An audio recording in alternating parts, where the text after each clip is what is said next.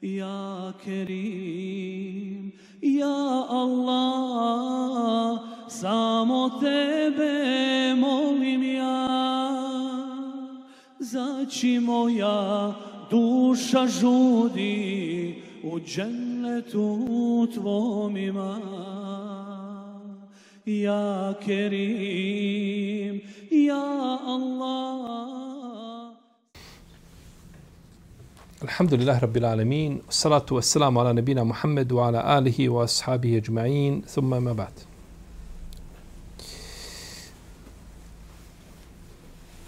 Mi smo i dalje vezani za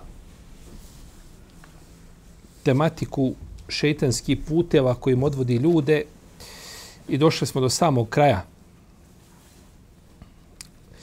ostalo nam je da spomenemo samo još jedan njegov put, jedan od tih puteva koji je jako perfidan, a to je gubljenje nade u Allahovu milost.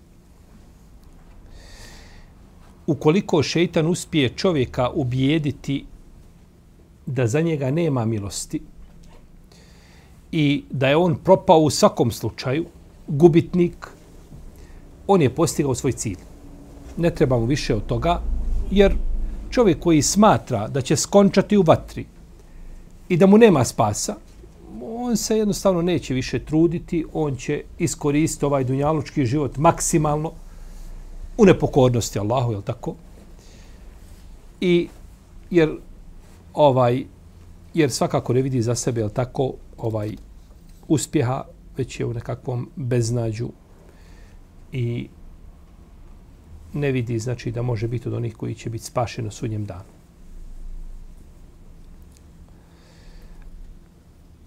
Uzvišeni Allah kaže o robovi moji koji ste sprema sebe ogrešili. La tak na tu mir rahmetillah. Inna Allah yakfiru dhunube džemijan. Nemojte gubiti nadu Allahom milost. Allah će oprostiti sve grije.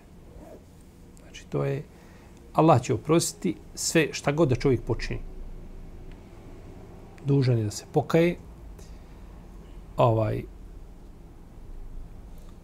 i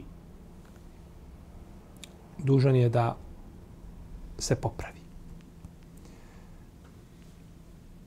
A nakon pokajanja nema grija, ako je pokajanje iskreno.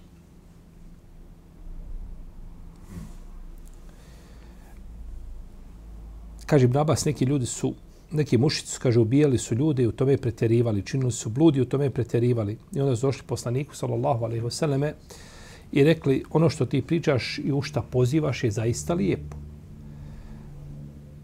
Još samo, kaže, obavijesti nas, kaže, imali iskup za ono što smo mi učinili. Pa je uzvišen Allah objavio i oni koji se mimo Allahu drugom Bogu ne klanjaju do kraja ajeta. I koji je i koji one koji Allah zabranio ne ubijaju osim kada pravda zahtjeva i koji ne bludniče i objavio je reci o robovi moji koji ste prema sebi ogriješeni ne gubite nad Allahom pa uzvišen je Allah objavio tako ajete u kojima je ovaj nedvosmisleno spomenuto da se čovjek treba proći grijeha i da ne treba gubiti nadu Allahu, u Allahu milost. Iako bi bilo bila bi pravda puna da ako je čovjek griješio 30 godina određeni grijeh činio, da sada čini 30 godina dobra djela da mu to bude oprošteno. To je bila pravda. Je tako? Da bude šta? Da tim dobrim djelima poravna svoje grije. Međutim, nije. Dovoljno se čovjek pokaje da nastavi pravim putem. Koliki je to stimulans ljudima za pokajanje, da se pokaju i opet, jeli, nađete opet među ljudima, mnogo onih koji ne razmišljaju o pokajanju. O svemu razmišlja o životu, čak i da mu kockice na ogradi budu usklađene, da to bude ono, jeli, mozaik, da to bude lijepo poredano, ali kada je u pitanju pokajanje, to je negdje tamo na margini, čeka da dođe na red, a hoće li doći, Allah zna. Allah zna. Jer čovjek koji je pogrešno čekati da popije čašu vode, da kaže pokajanje ili čovjek, kada prvo ću se napiti vode, pa će onda se pokajati. Jer ne znaš hoće ova dospjeti u tvojih usta. Hoćeš, hoćeš li je popiti. A kamo li čekati odgađati tamo negdje nešto za starost nekakvu, jel? Zato ne mogu se načuti nikako čovjeku. Došao čovjek jednom nemusliman, došao jednom musliman koji bi trebao da bude na čelu muslimana. Nije bošnjak, da odmah da ga isključimo, da ne razmišljate, ko bi to sada mogao biti? Kaže mu, ja bi, kaže, primio islam. Ti naučio islam, je, ja sam upojiš, ja sam čitao islam, ja sam, ja primio islam. Hajde ti, kaže, kući pa razmisli. Idi, kaže, kući pa razmisli. Savjetuj se sa roditeljima. Vidi, to, to sve baš ono da bude. Pitaj svoga babe koji se možda kipu klanja, hoćeš li ti Allaha obožavati. I vrati ga. Idi ti, kaže, razmisli. Daj, razmisli, ti budeš sto posto ubijeđen. Pa ja ti došao, bolan. Šta imam ja da ubjeđujem se više? Ubjeđenje dole nakon toga ima raste i opada. Ubjeđivaj se, primi islam i kreni putem. I vrati. Šta misliš da je taj čovjek poginuo? Vraća se kući, poginuo negdje na usput ili umro, ujutru ustao. Ili, ili našli ga, zatekli ga mrtva i tako dalje. Ko će odgovarati za to? Ko će odgovarati za to što je taj čovjek preselio kao nemusliman? A on došao da primi islam. Nema čekanja, nema minuta je puno čekati. Jer svaka ova minuta u islamu je posebno vrijedna. Ta minuta se može čim platiti. Minuta u islamu sa šehadetom, la ilaha in Allah, ne može čim platiti. To nema te, ti para i vrijednosti dunjaličke da se to plati. Zato čovjek ne treba odgađati ovu pokajanje, znači ovaj i koliko trta je oka. Ebu Musa Lešari kaže da je poslanik sa osam rekao uzvišen Allah pruža svoju ruku noću da bi se pokajao onaj ko griješi danju i pruža svoju ruku danju da bi se pokajao onaj ko griješi noću. I tako dok sunce ne se zapalo. Do sudnjeg dana. Ali kada se pojavi određeni preznaci, tada više neće koristiti ljudima vjerovanje ako nisu prije toga vjerovali. Protivnom, vrata te obje su otvorena i najveći zločin jeste zatvarati ljudima u lice vrata te obe. To je uzvišeni Allah oprašta ono što mi ne bo prosti. Zato nije to u našim rukama, ni čija te oba, o, da li ćemo primiti nekoga te obu i, i e, njegovo pokajanje iskreno.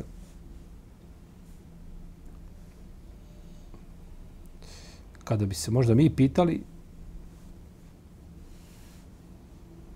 ko će u džennet, možda bi Bosna bila dovoljna da bude džennet. Ta površina. Tako. Ništa. Davaćeš svakome. Onako kao što je od Dunjaluka, tako bi mu dao. Uzvišen Allah, njegova milost prevazilazi sve to. Pa znate, hadis zadnjeg čovjeka koji zadnji ući u džennet, koliko će dobiti. Najniži stepen u džennet koji ima, koliko dobije. A šta misle na koji su u većim deređama?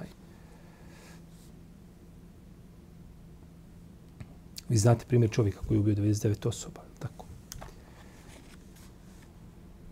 Pa želio, imali za mene pokajanja, ali je došao na pogrešnu adresu. Došao kod pobožnjaka.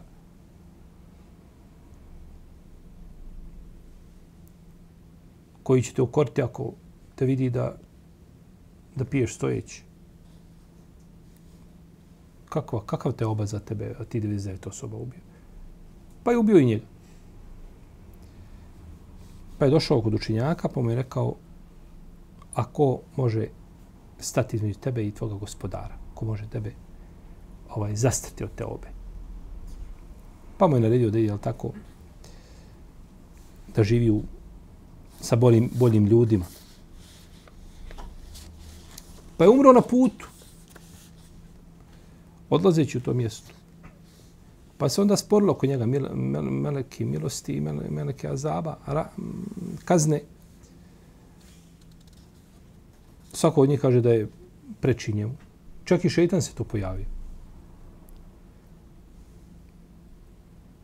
jednom, to je hadis kod Buhari kod muslima, u rivajetu kod imama Ahmeda kaže se da je šeitan rekao, kaže, on je, kaže, ja sam njemu najpriči, kaže, on meni nikada pokoran nije bio. Pa je uzvišen Allah naredio od zemlji dobrih ljudi da se približi, ovaj da se udali, pa, je, pa su ga uzeli meleki rahmet. On je samo krenuo, nije timao da ide i to je bilo dovoljno. Ali je problem taj korak. Taj korak je kod mnogih ljudi problem.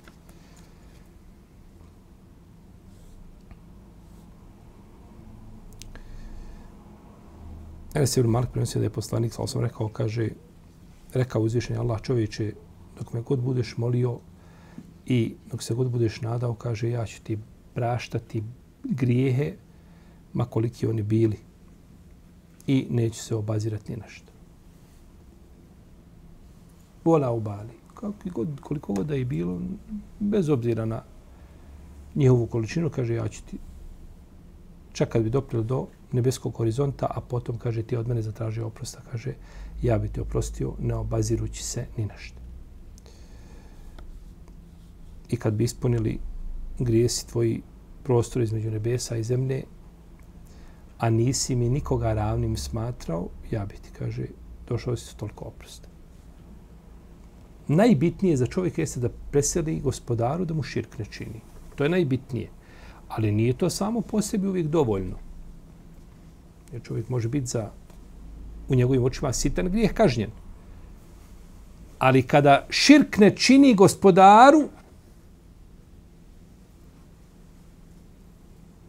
time je uspio u kom smislu, ko će mi kazati? Ovi iz desne strane što sjede ovako lijepo. I prate lijepo. Ha? Kako je, u kom smislu je uspio? Ući u dženet kad ta. Znači, spasio se vječnog boravka u vatri. Toga se spasio. A to je najveća propast. Propast je da čovjek uđe koliko i, i trepta je oka u džehennem. Međutim, nije najveća. Najveća propast je da uđe u džehennem i nema izlaza. A to ne vredi za muslimana koliko god griješnik da bio. Koliko god da griješnik bio, neće ostati vječno koji ima osnovu imana, on neće ostati vječno u vatri.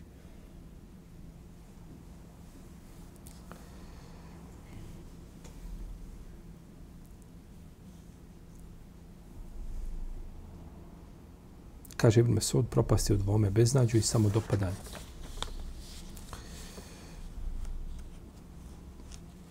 Rekli su Hasan al-Basriju, kažu, o Ebu Saide, kaže, čovjek griješi pa se pokaje. Pa ponovo pogriješi pa se pokaje. Pa ponovo griješi pa se, pa dokle više tako. Kaže Hasan al-Basri, kaže, tako postupa vjernik. Znači, Hasan al-Basri odobrava griješenje. A tako? Tako je nije tako, momci? Nije. Nije tako. Da kako je onda? Šta znači ovaj Hasan al-Basri? Znači, Hasan al-Basri hoće ovdje, on aludira na pokajanje, on govori o pokajanju, ne o griješenju. Tako. Tako radi vjernik. Znači, vjernik nije nepogrešiv. To ne znači da, da Hasan al-Basri odobrava griješenje. Ali ti po prirodi kao čovjek upadaćeš u greške. Neko više, neko manje. Ali je od ahlaka, kaže vjernika, njegovog morala, njegovog ponašanja i ophođenja prema gospodaru, da mu se uvijek kaje kada šta? Kada pogreši i da ga ne navede ovdje, da, da, ne bude, znači, da ne upadne u tu šeitansku zamku, ja tako ako pogreši, kaže, pa dosta više, pet puta sam spokoj istog grija, a više neću srame, stid me gospodara, da se kajem više od ovoga grija. Kaže, tako postupa vjernik. Kad god pogreši, on se kaže sjedim mu sejb, Allah će doista oprostiti onima koji se kaju, kaže to je čovjek koji pogreši pa se pokaje. Pogreši pa se. Pogreši pa se pokaje. Imam Begavi kaže gubljenje nade u Allahovu milosti je veliki grijeh kao i osjećaj od sigurnosti od Allahove kazne. Da i to, i to je veliki grijeh. Ha, čovjek bude siguran od Allahove kazne. Ne, može, može, brate, može svakoga, ne može mene. Mene ne može zadesti ništa. To ljude što zadesi i treba da ih zadesi. Pogledajte kakvi su griješni, griješnici. Ali ja, pa, nema smisla. A kad ima tako mišljenje o sebi, on je sebi presu, sam je sebom čoko vrata stavio. Onaj koliko god da si dobar, nemoj biti siguran u, u, u sebi, u svoje, nego budi, budi po, polaži nadu Allahovu milost, a ne u, u svoja šta? U svoja djela, u svoju, jeli, pobo, pobožnost, svoju takvu.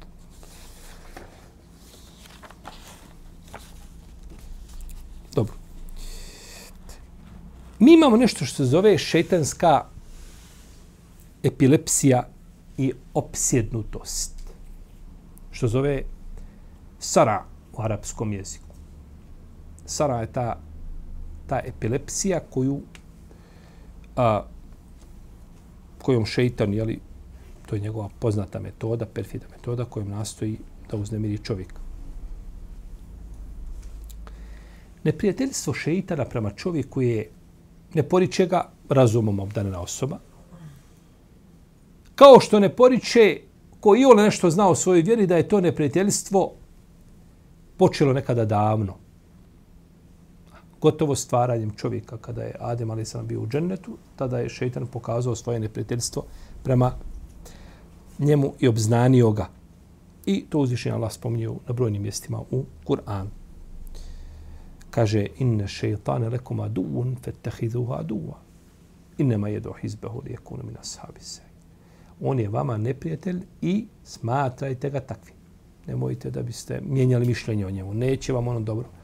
On kaže, poziva svoju skupinu pristaše da budu stranici u vatri. Međutim, Iblis je rekao, kaže, ja ću ih zavoditi, vidjet ćeš, kaže, da će i većina biti nezahvalni uspjeće zavesti većinu njih osim iskrenih robova. I procjena Iblisa nesretnog je bila tačna. Da je uspio većinu ljudi zavesti osim dobrih Allahovih robova. A, ovo šeitansko došaptavanje, šeitanska ova epilepsija ili opsjednutost nju su islamski učinjaci ubrojali u akajitska pitanja. Tako učinio je Bosman Sabuni, tako učinio Ebu Hasan Lešari u svome djelu Libana i drugi učinjaci. Zato što se ona tiče m, gajba na neki način, je li tako? Mi šeitana ne vidimo. Pa su to ubrojali u akajitska doktrinana, znači, pitanja. Uzvišen Allah spominje to u Kur'anu, tu opsjednutost. Pa kaže, inna alladine je kuluna riba, la je kumune illa kema je kumu alladi je tehabbatuhu min al. Oni koji a, se kamatom bave, koji jedu kamatu, misli se bave se kamatom. Diće se kao što se diže onaj koga je šeitan opsednuo. kažu neki učinjaci, diće se na sudnjem danu, kada budu proživljeni, kao što se dižu oni koji je šeitan opsjednu. I postoje nekoliko vrsta ovog šeitanskog ovog opsjedanja. Prva je potpuno opsjedanje kada je zahvaćeno cijelo ljudsko tijelo, što rezultira kočenjem i grčenjem tijela. Druga je djelomična opsjednutost, kojom je pogođen samo jedan dio tijela treća je stalna i četvrta je periodična, koja je svemna na vrijeme. Pa riječi a, uzvišenog Allaha koga je šeitan opsjednuo, predstavljaju jasan i nedvosvjestan dokaz da šeitan znači uznemirava čovjeka i nije ovdje ispravno tumačiti ovaj ajet u smislu šeitanskih vesvesa. Da kažemo, ta opsjednutost, ona se tiče vesvesa, a ne tiče se čega? A, tog stvarnog nekakvog opsjedanja. Kao što su protumačili, tako da šeitan kola ljudskim tijelom kao što cirkulira krv, kažu nije to, to, to je, to su sve, to, je, to se misli na vesvese. Poslanik kaže, šeitan kola tijelom kao što kola šta? Krv, kaže, to sve svese. Pa jasno od isto rečeno kao što krv. Krv nije ništa van čovjekovog, nego je unutra u čovjekovom tijelu. Da je rečeno kola čovjekovim tijelom, to je dovoljno. Ali još kad se poistovjeti sa, jel tako, sa, sa onim što je stalno prisutno u organizmu, onda je isključena svaka mogućnost tog, tog metaforičkog tumačenja. Kaže Ata ibn Berabah, rekao mi Ibn Abbas, kaže, hoćeš li da ti pokažem, kaže, ženu, stanovnicu, stanovnicu dženneta. Kaže, hoću. Pa je rekao, kaže, ona crna žena kaže, otišla je poslaniku, sada rekla, kaže, Allah poslaniče, ja imam, kaže, padavicu. Imam padavicu. Kaže, kada me napadne, kaže, ja, kaže, otkrivam se. Padne mi i otkrivam se. kaže poslanik, ako hoćeš, strpi se i učiš u džennet. A ako hoćeš, ja ću dobiti Allahu pa ću te izliječiti. Odaberi. Kaže Allah poslaniče, kaže, strpit ću se. Ali dovi Allahu kaže da se ne otkrivam. Kad padnem da se ne otkrivam. Pa je dovio. Ovaj hadis koriste učinjaci koji kažu da je bolje čovjek da se ne liječi. Tako, među učinjacima ima poznatost, je li bolje da se liječiš ili da se ne liječiš da se osloniš na Allaha. Tu je među jako raziložen među lemom i neka se razlikuje te situacije. Mi smo o tome govorili na početku naše predavanja. Ali od dokaza koji koristi ta skupina učinjaka, koriste hadis ove crne žene koja je imala tu epilepsiju, taj šetanski napad. Ta žena koja je zvala Umu Zufar. Umu, Umu Zufar. A, dobro, je li ovo posljedica demonske opsjednutosti ili je posljedica nekakvog organskog poremećaja, da ne kažemo organske bolesti? Ona je imala padavicu, padala. Može biti jedno drugo, kako kaže šeho Islam ibn Kajim. Može biti jedno i i drugo. Međutim, postoji prihvatljiva verzija ovoga hadisa u kojoj stoji da je ovdje riječ ipak o džinskom opsjedanju. Da ovo nije bila organska bolest. Ebu Horira prenosi da je jedna žena došla kod poslanika sa osaname, a bila je pogođena šetanskim napadima. Lemem, spominje se lemem, a lemem je tu došao kao šeitanski napad. Koristi sta riječ za tom svojstvu. To znači. I kažu za ovu predaju Hejsem ibn Hajar da je dobra.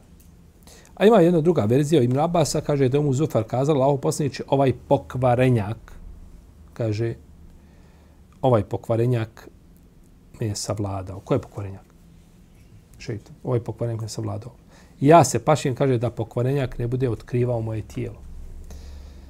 Da pokvarenjak ne bude otkrivao šta moje, moje tijelo. Ovo je došlo slabim lancem. Međutim, uz ovu predaju prethodu, znači ukazuje da se ipak radi o čemu? O demonskom opsjedanju i a, uznemiravanju i obaranju bolesnika na tlo, a nije, znači da je to bio organski ili nekakav poremećaj.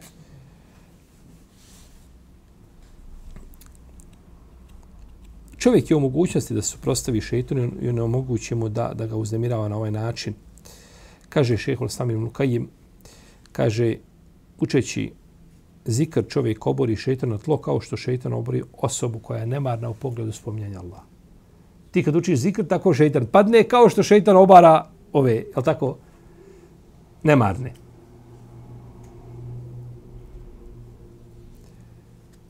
Tako tvrdi šehol Stavim Kajim, jel? Nemamo mi sad za to dokaza jasnog.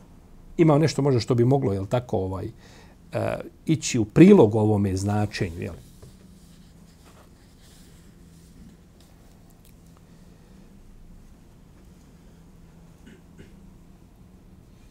Potom je šeho Islam Ibn Kajim rekao da neki učinjaci iz prvih generacija su govorili kada čovjek bude iskreno spominjao Allaha, a približi mu se šeitan, kaže, srušit će se na tlo ovaj, kao što šeitan obori čovjeka kada mu se približi. Pa se drugi šeitan okupe oko njega i kažu, šta ti je? Kaže, izbezumio ga čovjek. Izbezumio ga insan. Kao što kažemo za, čovjeka, za čovjeka da izbezumio ga šta? Šeitan. Kaže za ovoga, ovi kažu njemu, šta mu je? Kažu, izbezumio ga insan. Dobar dobar insan, bogobojazan ga izbezumio. To je to. Nije to otvoreno čovjek, jeli, ljudi se plaše džinskog šetanskog svijeta, uspomenješ džine, on sav trese. Znači, on odmah misli, gotovo, nema me, hoću, hoću dočekat zoru ili neću dočekat zoru. Nije to tako tačno, oni mogu uznemiravati čovjeka. Ali ti imaš oružje u svojim rukama nakon, jeli, koga ne mogu se suprostaviti. Samo je pitanje da li će čovjek taj to oružje koristiti propisan način, na adekvatan način, ili će on to jel, zanemariti. Kod nas je pravilo, jel, Efendija moje je da ti platim, a tvoje je da me izličiš. Dođe bolesnik, kaže, slušaj, ti trebaš to, to, to, to. Ne, ne, ne, kaže, moje, ja tebi, ti samo reći koliko je tvoje, ja tebi platim, a ti mene moraš izliječiti. To tako možda i može na koševo gore. Kad odeš kod ljekara da ti kaže, jel tako, negdje odeš kod ovaj, fizioterapeuta, pa te on malo, malo te masira, popravljate, utežete. Možda može nešto da... Kod ovih pitanja ti si taj koji ovaj liječiš samog sebe.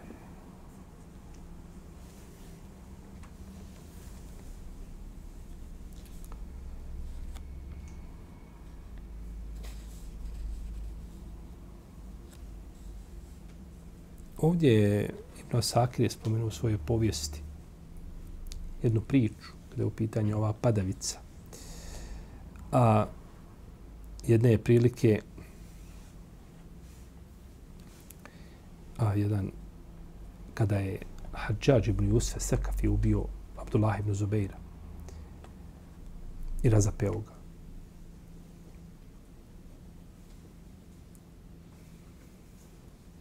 Došao je u Medinu i pokrio svoje lice. Umotao svoje lice. I ide i nađe jednog starca. Kaže, ej, starče, kako je stanje, kako stanovnici Medine? Kaže, zlo nikad gore. Što kaže zlo? Kaže, ubijen unuk Allahovog poslanika. Kaže, koga je ubio? Kaže, hađađ, kaže, Allahova prokletstva da su na njega. Kaže, a, kaže, kad ti vidio hađađa, bi ti njega poznao? Kaže, bi, odmah bi ga poznao. Pa je skinuo nikap, zastor se. Kaže, kad je vidio ovaj starac, odmah je znao gotovo je to, ne ni, ni minute više ova, on nije praštao nikome hađađ. Ako je mogao ubiti unuka poslanika, sam nakon toga nema niko hurmeta. Kad je to vidio, kaže, vidi, kaže, ja se zovem, kaže, Ebu Seur, kaže, a, Abbas, Ibn Seur, kaže, i pogađa me, kaže, ova padavica, kaže, svaki dan po pet puta. Šeitansko, kaže, izumljenje, ja ne znam šta pričam. Kaže, gubi se, kaže, Allah te ne izliječi od šeitanskih bezumljenja. Pa se spasio preko šeitana se spasio i njegovim. Kaže, ja, ja ne znam šta pričam. Ovo što sam već kazao, ovo što sam ja rekao, vjerojatno ovo nije tačno.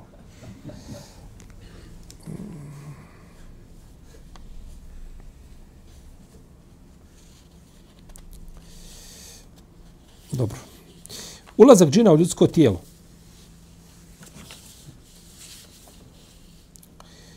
Džini uznemiravaju čovjeka na razne načine i njihovo uznemiravanje čovjeka ne podrazumijeva isključivo i striktno samo došaptavanje.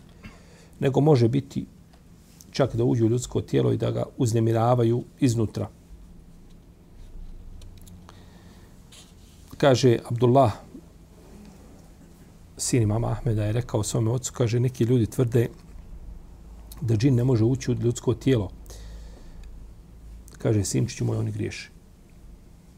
oni griješe.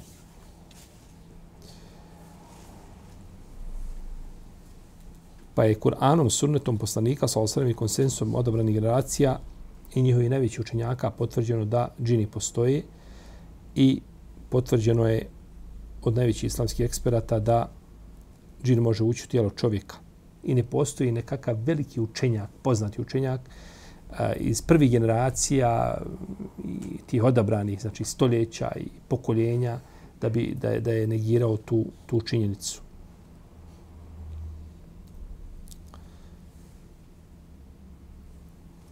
Ibn Hajar al-Haytami kaže, Ibn Abi Dunja i Bujala su zabilježili da je poslanik, sa sam rekao, šeitan stavlja svoju surlu na srce čovjeka. Kaže, pa ako čovjek spomene Allaha, šeitan ustukne, a ako zaboravi spomenuti Allaha, kaže, šeitan proguta njegovo srce surlu. I hadis je daif. Hadis koji je spomenuo Ibn Hajar je El Haytem je daif. On je ispravan.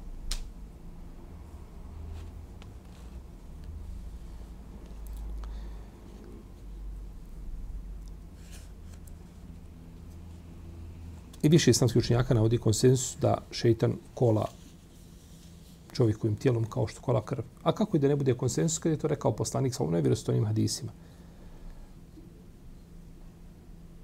i poricanje da šeitan može ući u ljudsko tijelo i tako dalje, to je sve pokušaj da se razumom sudi gajbu.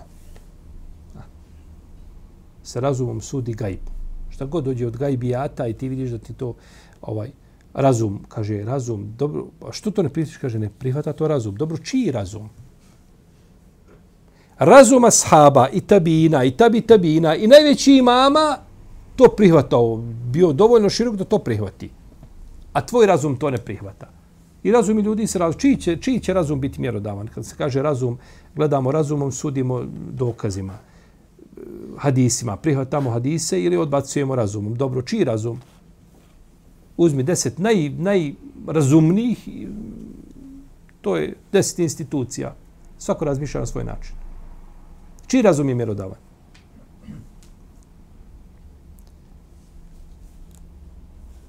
Tako da ono što zastupaju tezilski neki učinjaci, da bi ste sekte i, i Ebu Bekr al-Kafali, Zemahšar i Ebu Bekr razi Bejdavi i neki drugi, da negiraju mogućnost ulazka džina u ljudsko tijelo, to je neispravno. To je u koliziji sa onim na čemu su bile prve generacije. Gdje su imam Ahmed? Gdje su imam Ebu Hanif, Šafija, Malik, Ishak?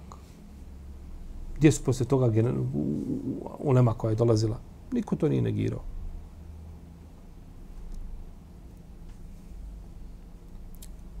Kola čovjekovim tijelo kao što kola krv. Kaže poslanik, kada neko od vas zjeva, neka stavi ruku. Kaže, jer šetan ulazi u ust. Zjeva. Stavi ruke jer šetan ulazi u ust kaže ne ulazi. Pa dobro, poslanik kaže ulazi u usta, ti kažeš ne ulazi.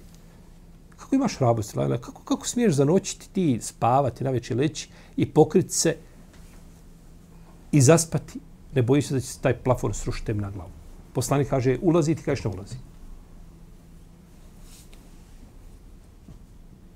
Reci, ulazi u usta, ali ja ne znam kako ulazi. Nisam vidio, nije nas poslanik o tome obavijestio, ne znam kako ću, ali onako kako je rekao Resulullah s.a.v. Kola, da kola, ali ja ne znam kako kola. I u redu, potpuno, nema, nema smetje nikakve. Kada se neko probudi noću i počne uzeti abdest, neka tri puta ispere nos, kaže jer je šeitan prenoćio njegove nozdrvi. Kako je mogao prenoćiti, a ja dišem na nos? I nije začepljeno. Kako? Dok razum uđe, odmah piš, propalo je. Nema toga ništa. Reci da, on zanoći u nozdravi, ja ne znam kako ni šta, niti sam zadužen da to ispitivam, niti sam, ni to moram znati. Da se to morao znati, to bi ti bilo pojašnjeno. Da je to bilo nužno da znaš. Zar nije se Osman bin Ebul As poželio poslaniku da zaboravlja Kur'an, pa kaže, pa ga udario prst, ovako dlanom po prsima, kaže, o šeitanu, izlazi iz osmanovih grudi. To se misli da šeitan izađe, nego da izađu vesvese. A tako?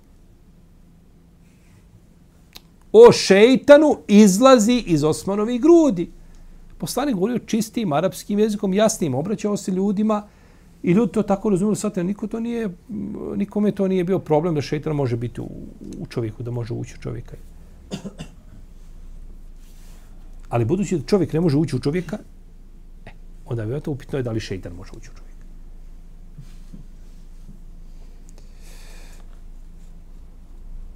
I ponekad do tih dokaza jeste da, da je šeitan ušao u čovjeka to što priča jezikom bolesnika, priča strani jezik nekakav, priča krike nekakve pusta, kada se izleči osoba, oni ga snime tamo telefonom, kamerama to snima, ali tako, i postavlja se onaj na društvene mreže, to je priča za sebe.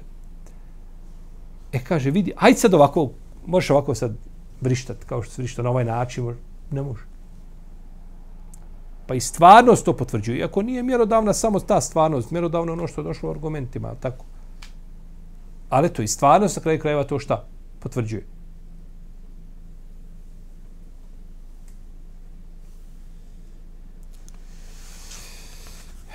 Allahu ta'ala, sallallahu alaihi wa sallam, Muhammed wa ala alihi wa sallam.